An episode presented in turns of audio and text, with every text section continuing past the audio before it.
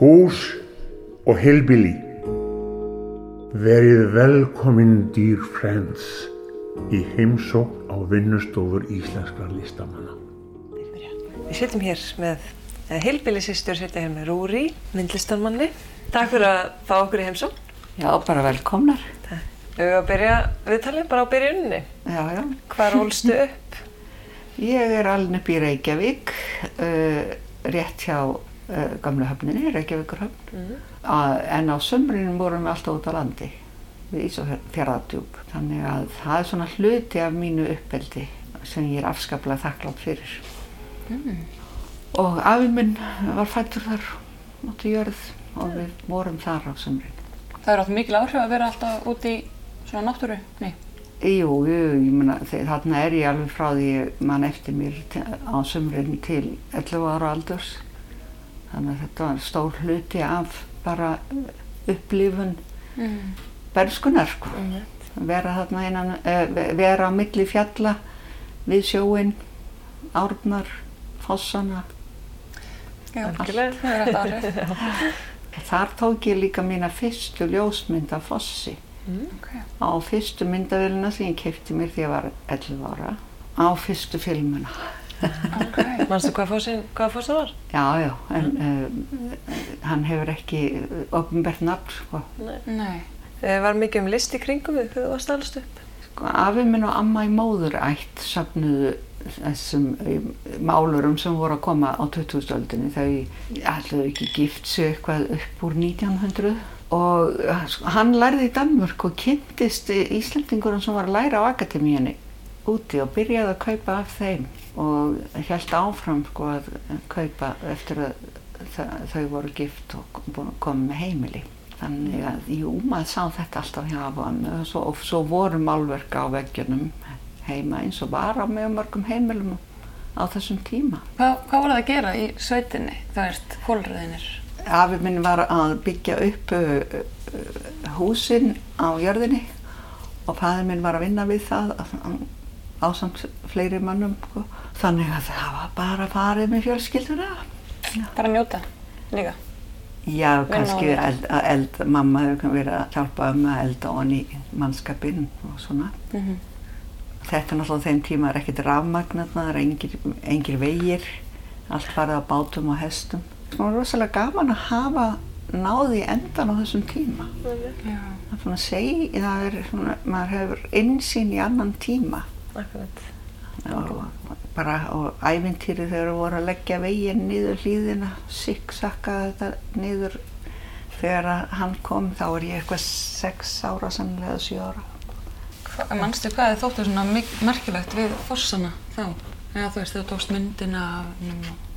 Þeir voru bara svo tignarlegir. Já. Þetta er uh, svo magnað náttúrufyrirbæri. Mm. Einmitt. Og af hverju ákast þú svo að fara út í myndlist? Já, ég, ég veit ekki sko, hvort að það var ég sem ákvaða eða hvort að örlögin settu mig í þetta. Er, mjög erfitt að segja að það verið eitthvað eitt. Ég uh, hafði mjög mikið indi af að teikna og, og tjá mig í gegnum myndform. En ég veit að bara að þegar ég, ég var í mentaskóla á, á, öðru ári þegar ég gerði mig grein fyrir því að ég ætlaði í myndlist en bara klára fyrst skólan Já. í mentaskóla Í hvað myndskóla varstu? MR, það var hverfis Hverfisskólinn. já, ég, meina, ég er náttúrulega þarna í Vesturbænum og Hagaskóli nei, Hamraglíðaskóli var stopnaður árið áður Mm. Þannig að það var ekkit ég, við höfðum ekkit val á þeim tíma Nei. okkur var bara hvað segir, skólunum voru bara útlutað nefndur. Þurftur þú þá að læra latínu? Þetta er fyrsta árið sem að latína var ekki kend í starffræðideild. Mm. Ég fór í starffræðideild fyrst og síðan þaðan yfir í náttúrufræðideild þegar hún var stopnuð. Ok. Ekki það að þurfa að læra, það er mjög gaman að læra latínu. Ég sko það er í rauninni, sko, ég man alveg eftir því að ég var ofsalega ánað með að þurfa ekki að læra latínu þarna því ég ætlaði í starffræði, sko, ekki máladeild. En síðan, sko, af því ég hef mjög mikið áhuga og gaman af orðsifjafræði. Það er að segja eh, sko, merkingu orðana og hvernig orð sína fram á tengingar milli þjóða, menningar svæða og það dylst sko þekking í orðum þegar maður fer að skoða þau og latínan hefði verið svo góðu grunnur fyrir þetta þannig að svona eftir á að higgja hefði ég gætna vilja læra latínu Og, já, einmitt, það er alveg svona grunnurinn allavega af einhverjum mörg, partir mörg, mörgum tungumálum. Já, mörgum tungumálum. já, Já, Einmitt. margt sem kemur þaðan, sko. Og þú tókst þá bara ákvörðun í MR að fara á... það var bara strax í myndlist og handíðaskólan þegar ég væri búin með stúdentin Okay. uh, sko, í- þegar ég fer í mentaskóla þá er ég ekki búin að gera mig grein fyrir hvað ég vil, vil leggja fyrir mig í lífinu. Og það var tvent annað sem kallaði á mig og það var læknisfræði og arkitektúr og ef ég hefði ætlað að fara í annarkvort þessara faga þyrfti ég að hafa stúdinspróf þannig að það var engin spurning að fara í mentaskólan það var þrend að velja úr og ég vildi halda leiðunum opnum. Já. Hitt er annað mála sko, það er, hefur bara komið sér afskaplega vel að hafa þessa eh, svona undirstöðu sem að mentaskólinn veitir af, af svona alliða uppfletti kunnáttum Einmitt. Já.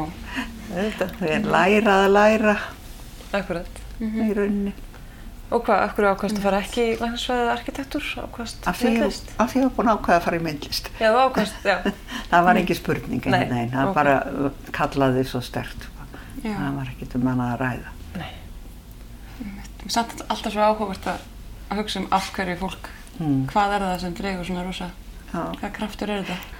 við hugsum ekki öll eftir sömu línum og notum heilan á, á mismunandi hátt og þroskum hann mismunandi Mm það er ég, spurningin sko, hvers vegna það gerist hún er miklu flóknari, ennþá flóknari Þess vegna spyrjum við alltaf líka um hvort það hefur verið í kringum þig. já, En svo Já. er það ekkert undilega að finnst mér eitthvað regla. Eru Mm. bara, sko ég á sjö sískin og ég er svo eina sem er í myndist já, Já, við höfðum öll sama umhverfið uppeldi. Þú upplöðu kannski þessa ferðir í Ísafjörðardjúp á öðruvísi hátt til dæmis.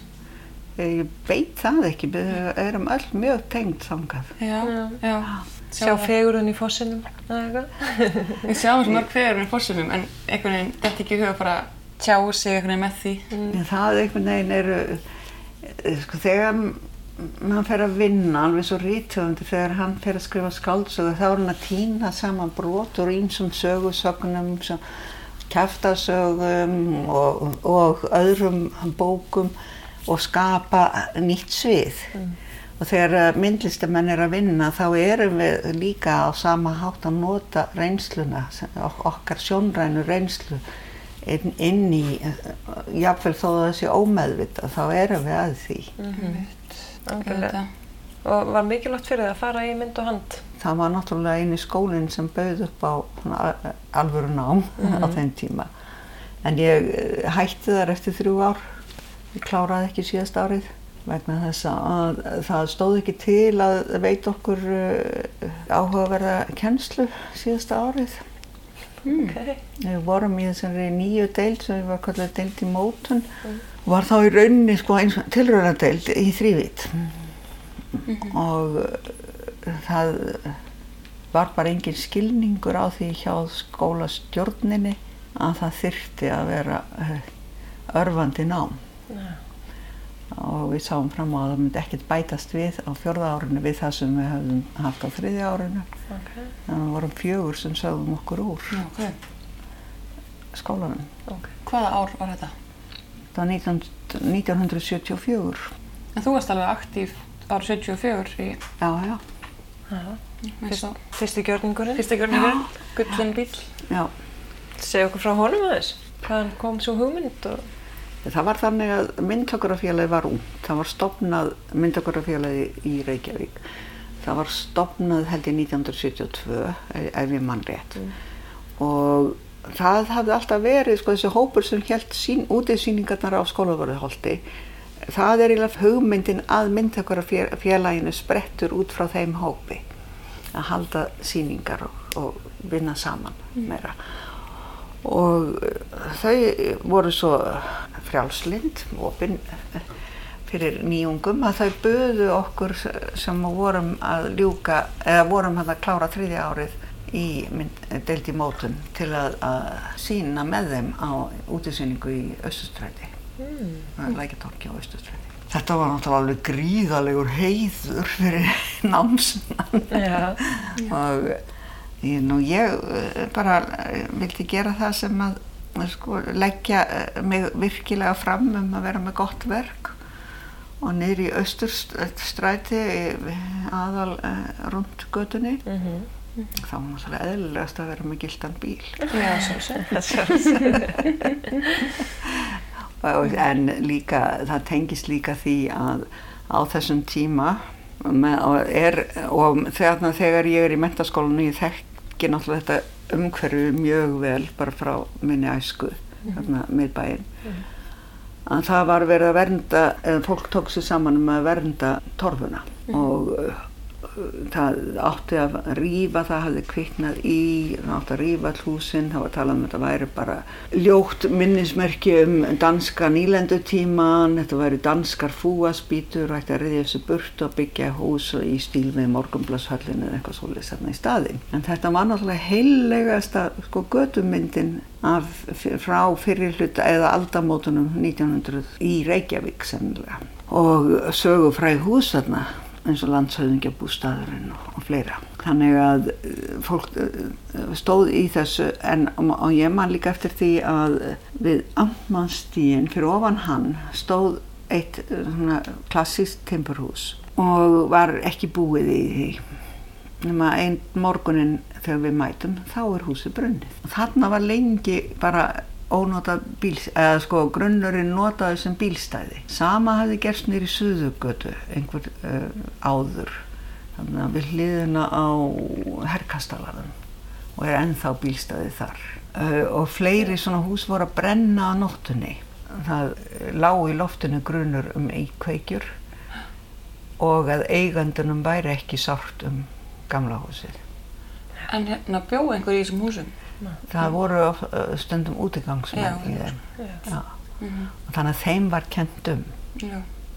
En það var svona uh, mjög uh, sterkur grunur um að þetta væri engar tilviljanir. Nei.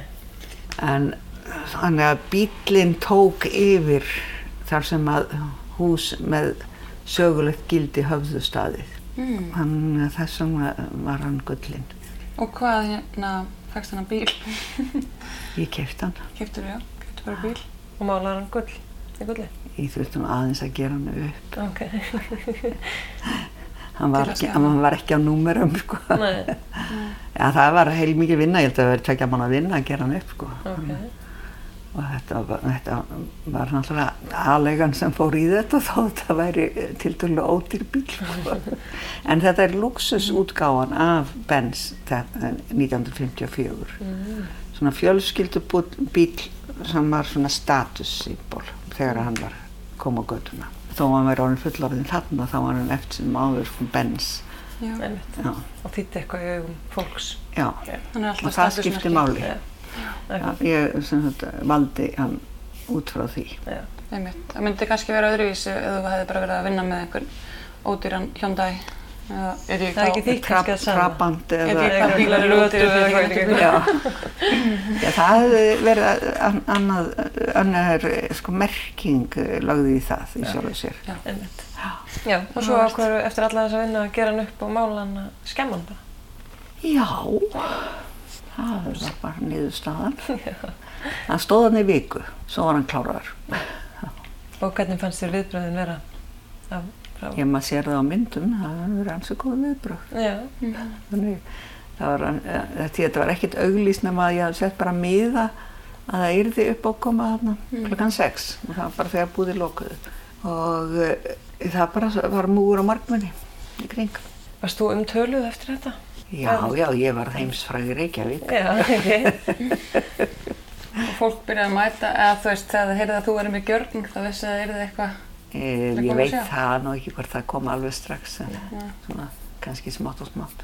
Og þú sagðir við bílinn að með þú skemmtir hann, þú Já, það var sko, ég byrjaði á því að uh, fara, af því þetta er líka tilvísun í gullkálfin hana, úr biblíunni að uh, bílinn hefur fengið svo mikið vægi í samfélaginu sko.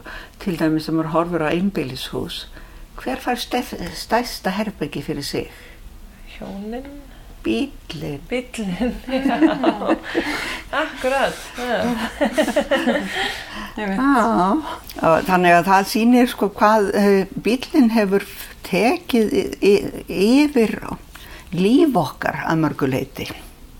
Uh, bílinn sem á að vera þjótt er orðin fann að vera stjórnandi að sumuleiti. Já, og peningarnir sem fara í að reka hann og, og þrýfa hann og skoða hann og... Allt, og allt sem því við kemur svona. Líka sko hver mikið er lagt undir vegi í uh, bara löndum, vestrannum löndum. Hver mikið jarðsvæði er tekið undir bílvegi sem þrengir þá að til dæmis agurirkju eða tekur land frá annari nýtingu.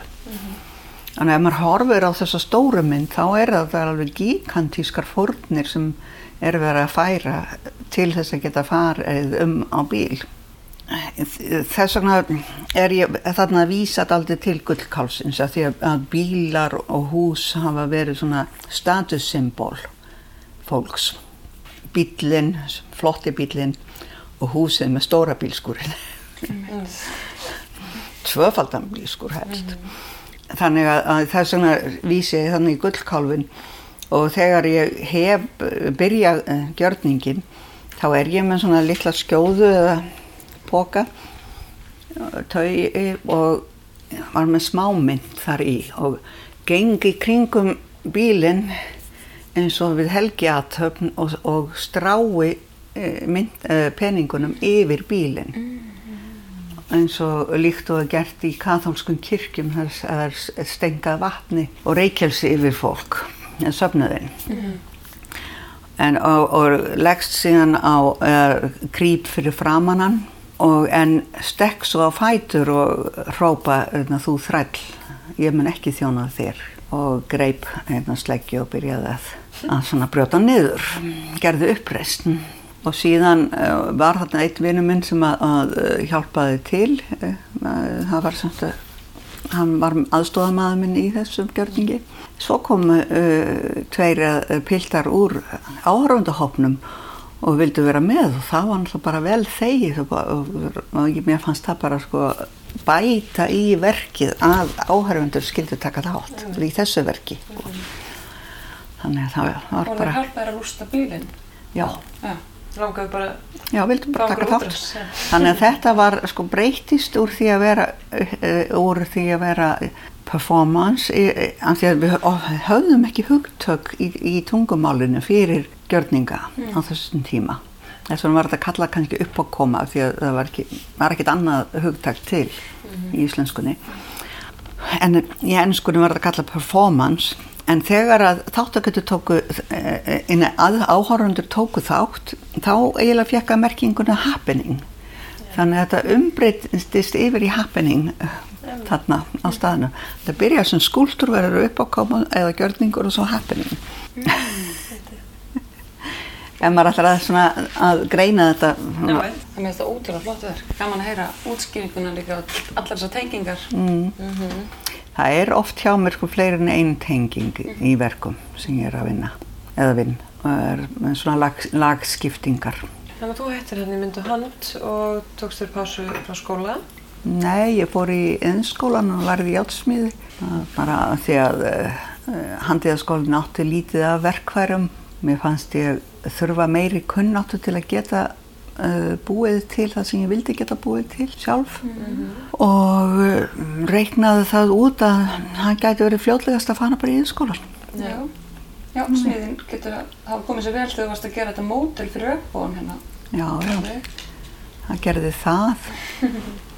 Og líka sko að ég fekk vinnu í játsmiðju á sumrin og þannig að ég gæti unni fyrir mér við það og sem var yfirleitt við sko sérverkefni það sem verið var að stækka skúltúra eftir Ásmund Sveinsson til dæmis og þar fekk ég sko æfingu í að vinna það stórt. Ég bætti alveg verulega við þekkingu mína og reynslu og ég efast um ég hefði nokkuð tíma þórað að teikna regnbúan svona háan ef ég hefði ekki vitað að það væri hægt að gera þetta.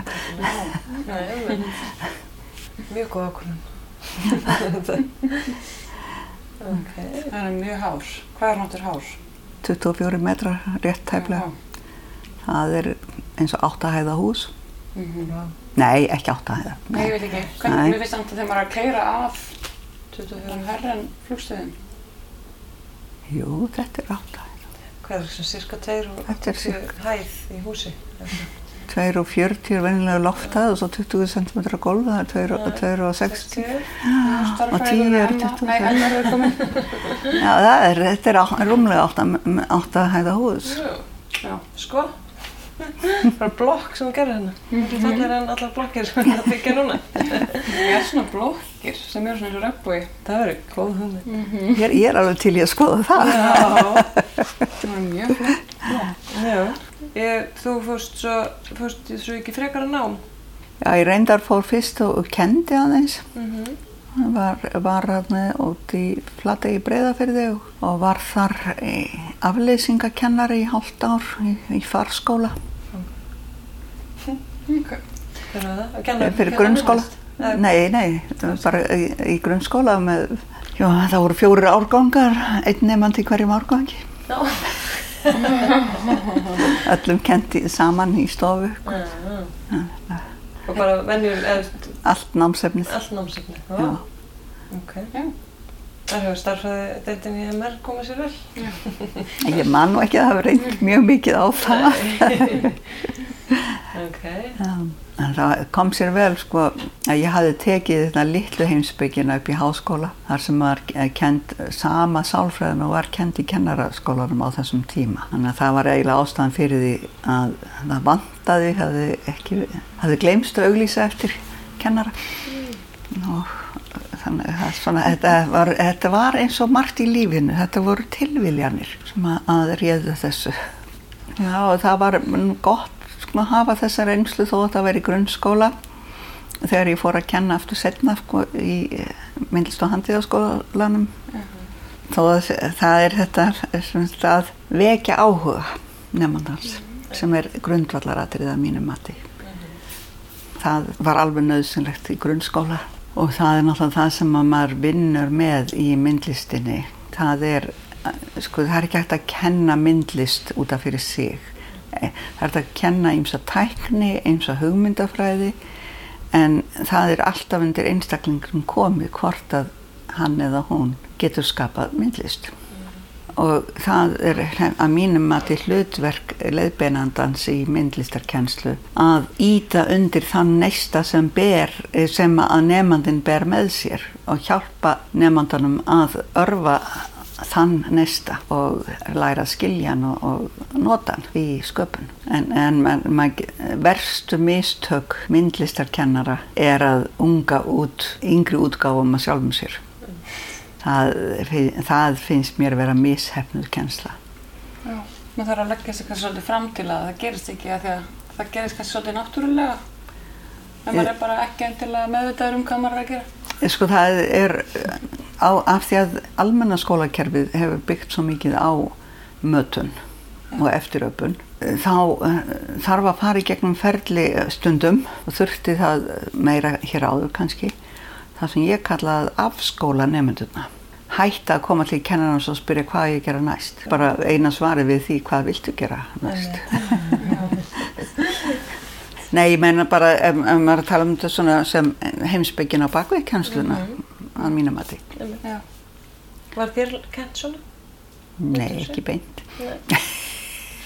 En þú fórst ekki til kennarans kannski, varst að spyrja hvað ég gera næst? Það efast ég stórlega um. Hvernig vilt að ég gera þetta? Nei, nei, nei ég hef aldrei spurt þannig. Ég er bara og vil að gefa til þess. Það var bara næsta spurning. Mm. Hvernig gengur að lifa á listinni? Að lifa af listinni, já.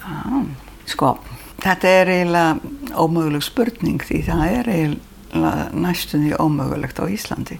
Mm. en uh, ég hef verið heppin. Þetta gengur. Stundum koma góð tímabil og gengur bara vel, svo koma önnur tímabil þar sem að, að er bara endar að ná, ná ekki saman og maður safnar skuldum og vonar að, að komi nýtt gott tímabil og svo framvegis. Mér fannst það rosa skemmtilegt einu sem ég heyrði ungu listamæður spurði Díti Rót. Það er sannlega fyrst skipt sem ég hitti Díti Rót fyrir að þetta var bara á kaffi mokka. Og þessi kunningi minn spyr hann hvernig er það Dítur, ert þú ekki orðin ríku núna? Þú ert orðin svaka frægur, ert ekki orðin ríku núna? Og hvað meinar þú, segir Dítur. Já, sko, þú selur mikið já, já, ég sel kannski meira en áður. Já, ert þá ekki orðin ríkur? Nei, þetta er nú ekki svona einfalt sko. það er þannig ef maður selur vel þá, ef maður verður frægur fyrir ekki, ef maður verður frægur þá er mann bóðið að taka þátt í fleiri síningum eða vera með fleiri síningar sem þýðir að maður þarf að undibúa fleiri verk fyrir síningar og það kostar peninga. Þannig að þó maður selji meira þá verður maður ekki ríkur heldur hefur maður tækifæri til að búa til fleiri verk og kannski borða betri mat en maður, maður sapnar ekki peningum Þetta er ekki alveg fjárfestingaleikur? Nei, þetta er ekki, sá, uh, þetta er ekki, þá ættum menn bara að fara í að starfa sem bankastarfsmaður eða, eða hlutabriðabraskari ef, ef það, er, það er markmiðið. Sko. En hitt er annað mál að, að listin skapar miklu meiri verðmæti fyrir samfélagið heldur en hlutabrif og, og bankarvextir og annað brask. Af því að uh, listin er, er undirstaða menningar eða aðri menningar ef við viljum kalla það þannig að því að sumir tala um ímislegt annað heldur en listir sem menningu og, það er hægt að færa rauk fyrir því í sjálfu sér þannig að við getum kallað þetta aðri menningu. Þessi verðmæti sem liggja í menningunni fyrir hverja þjóð fyrir sig, fyrir hvert samfélag fyrir sig, fyrir mannkynnið í heldinni er eitthvað sem lifir og verður til áfram á meðan peningar falla úr gildi, reynast vera loftbólur og svo framvegis. Mm -hmm. Þannig að það sem listamenn er að leggja til samfélagsins er að gríðarlega verðmæti. Listin er límið í samfélagunum. Mm -hmm. Án menningar þá er ekki samfélag, þá er bara skrill eða líður hópur fólks. En það er menningin sem að ræktar það sameiginlega og jákvæða í hófnum. Vel sagt. Já. Takk.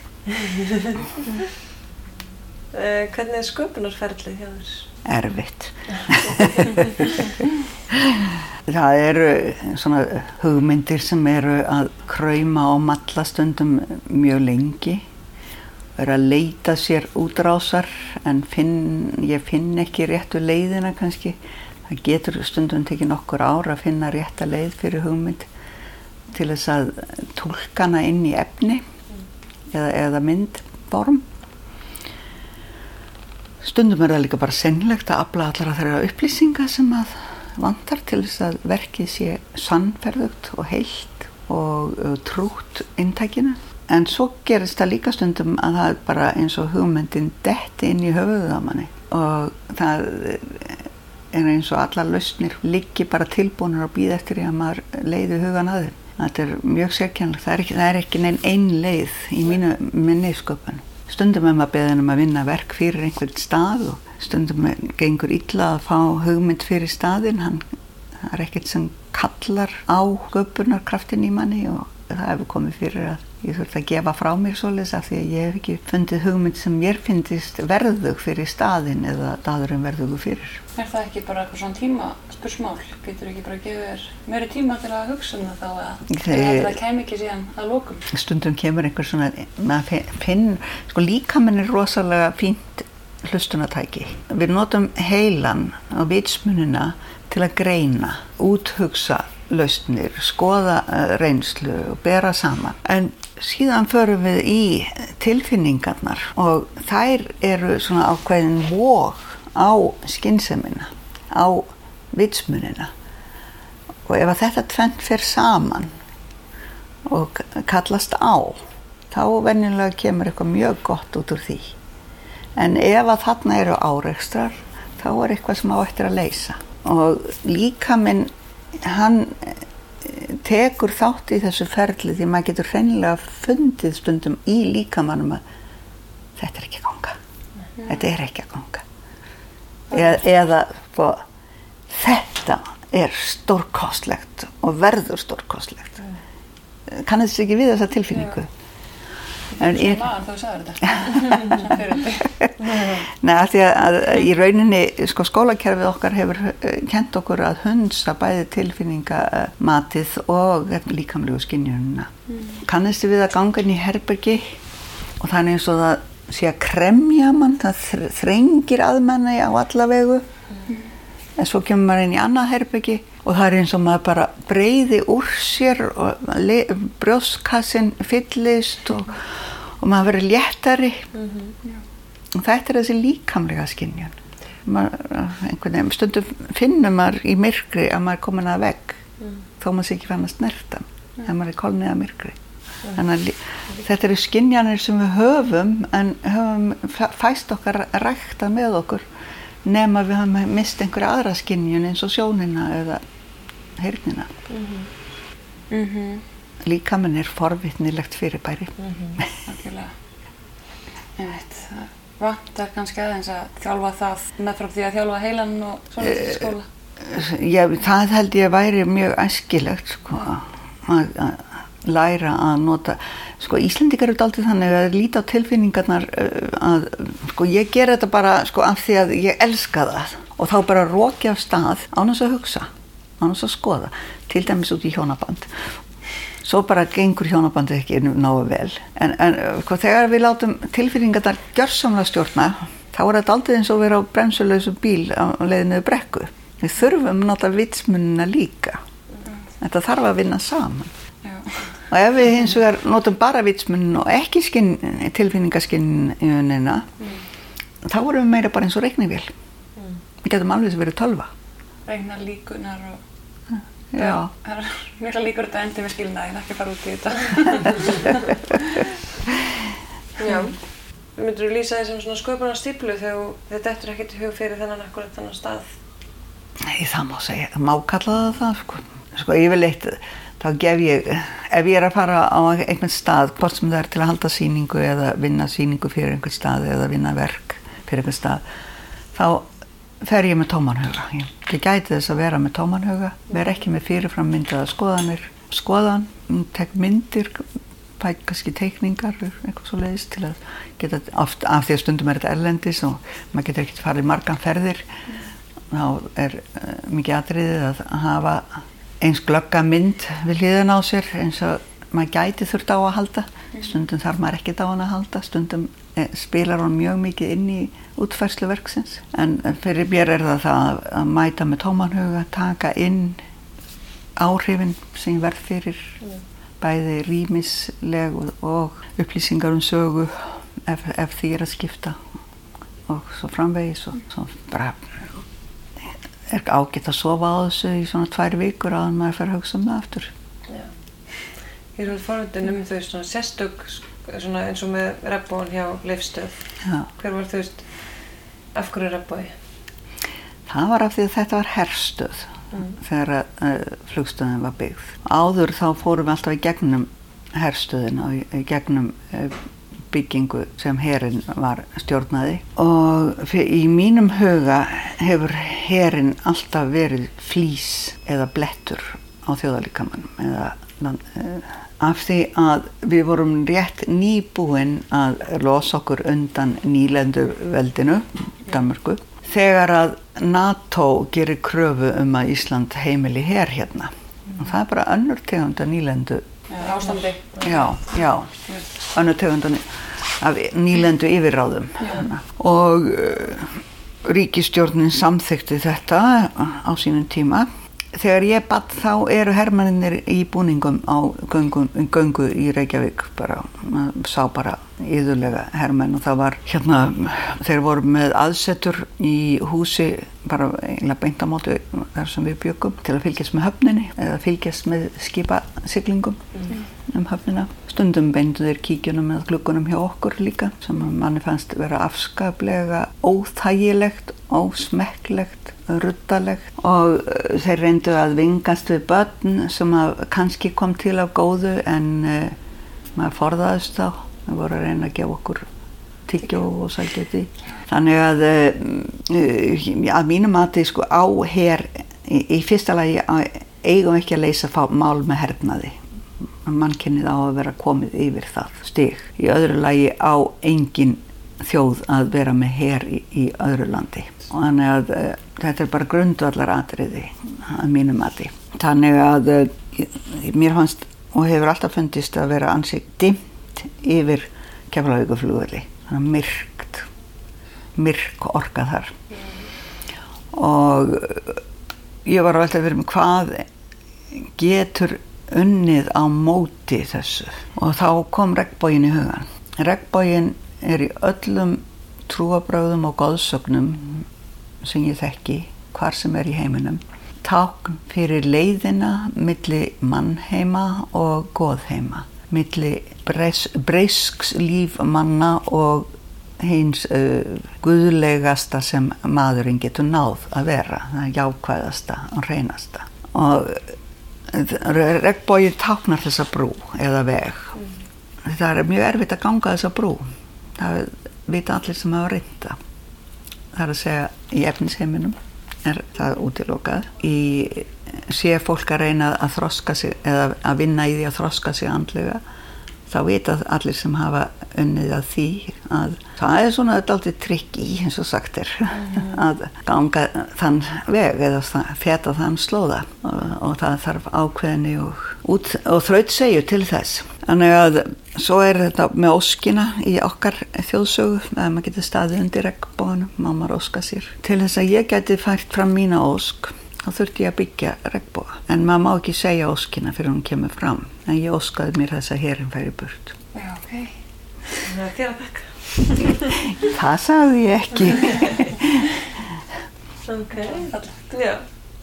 Hvernig er típiskur dagur hjá þér? Ég vakna yfirleitt aðeins segna heldur en ég ætlaði mér. Það er yfirleitt vegna að segja ég fór segna að sofa heldur en ég ætlaði mér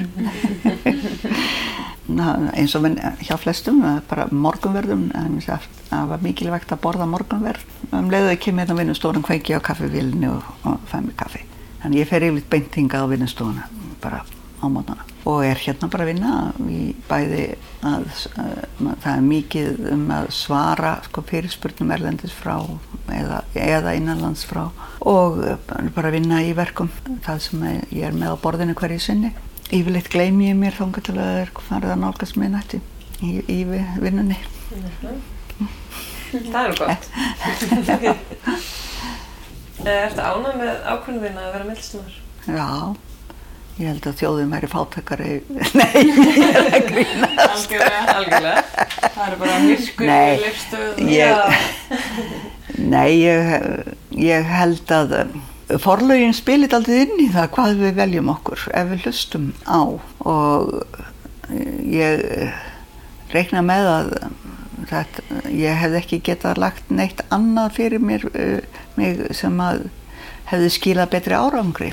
Sjálf hef ég indi af að vinna við myndlist jafnvel erfiðustu verkefnin eins og afleðingar stríðsátaka sem að er, tók mjög á að vinna að því verki að ég var að vinna í, í, tvö ár að kynna mér eh, afleðingar eh, átaka í heiminum á, á tíu ára tímambili það gerði ég vegna þess að, að það var orðið svo íþingjandi áreitið af fréttaflutningnum af eh, stríðinu í Rúanda Burundi í Afriku annarsvegar og Bosníu-Herzegovínu eða fyrir um Júgoslavíu hinsvegar sem var, annað, var langt í burtu hitt var til dælar nálagt að það kom að því að ég varð bara að vinna með þetta í myndlist ég fann það sko að ég varð að gera eitthvað og það er náttúrulega myndlistin sem er sterkasta tækið, tæki mitt. Það það, er það verkfæri sem ég kann að nota. Ég er ekki góð í að standa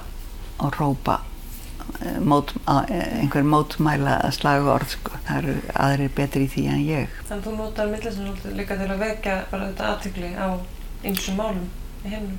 Það, það er hvoru tveggja sko að ég er að vinna, ég þarf að vinna mig í gegnum þetta verkefni eða ástand og, og ég reyna að greina það, skilja það, koma því frá mér líkt og, og rítuðundur skrifa bók. Hvað, og, en ég líta á myndlistina sem heimsbyggi sem er uh, tólkuð í efni og form og liti. Þannig að ég er að vinna að heimsbyggi og óhjákvæmilega þá er það stundum uh, neikvæð uh, atbyrðir sem að eru orsök hugleðingana eða aðtuganana.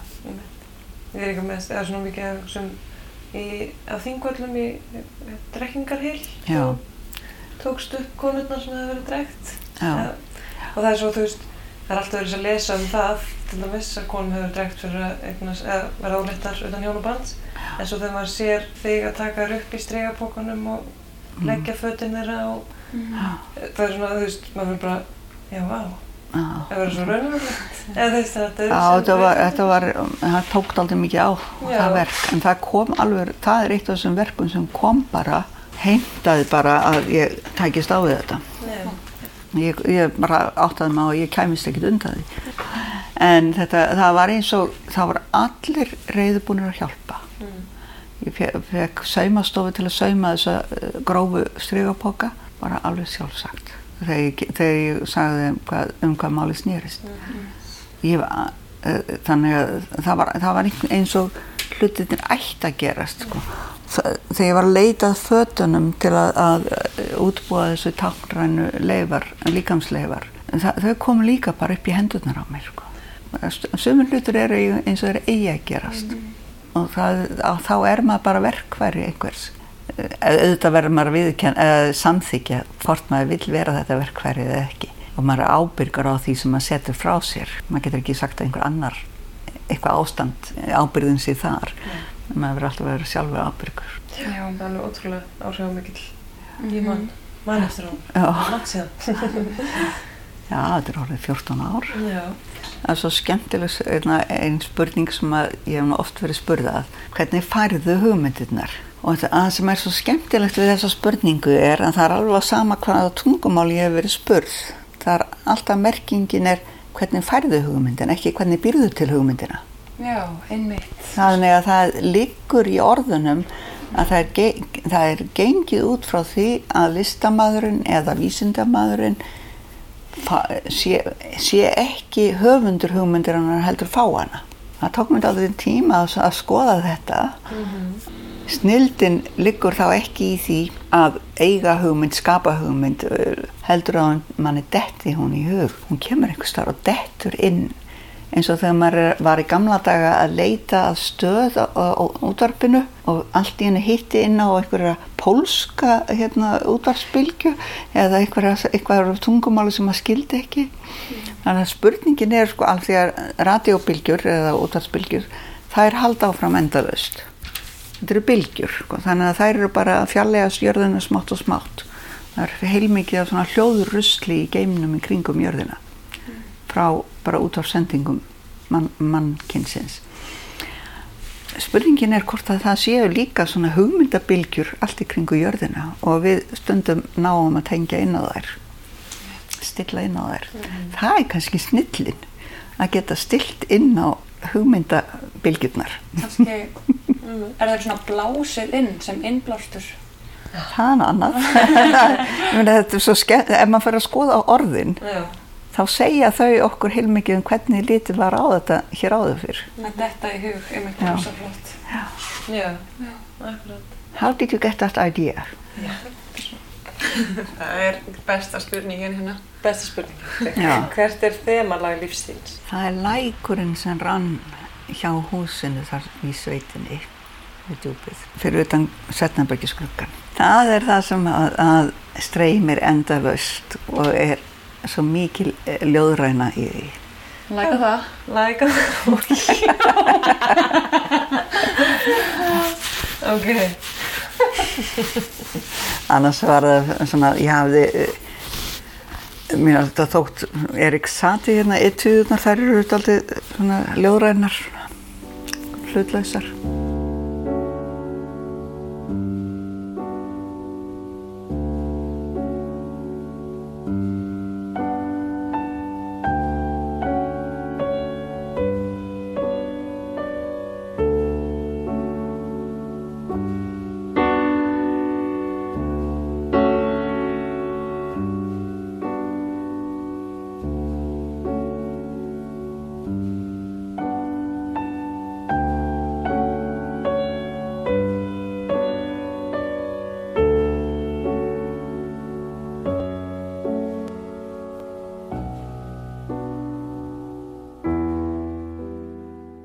Hvað hefur myndlistin þín kent þér?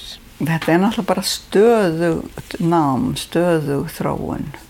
Myndlistin, hún, maður getur sagt hún, þetta er dagbókin mín, þetta er æfisaga mín, þetta er uh, allt sem ég upplifi lendir einhver tíma inn í verkunum. Uh, maður lærir kannski að þekkja sjálfan sig á því þegar maður, þegar maður uh, áttar sig á þessu.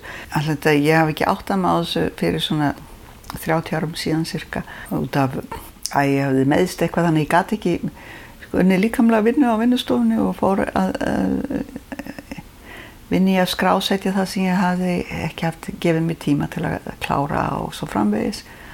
Þannig að ég eiginlega svona neytist til þess að fara yfir listferil minn. Og þá eiginlega sá ég ákveðin svona þróskaferli eiga sér stað í því. Þannig að maður segja sko að á þann hátt hefur listin uh, verið eins og dagbókin. Maður lærir að þekkja sjálfan sig í gegnum það sem maður skrifar. Mm -hmm. Gott svar. Gott svar. Þá bara takk kærlega fyrir að fá okkur í heimsókn. Já, þá takka ykkur fyrir að nenn að tala við mig. Nei, auðvitað.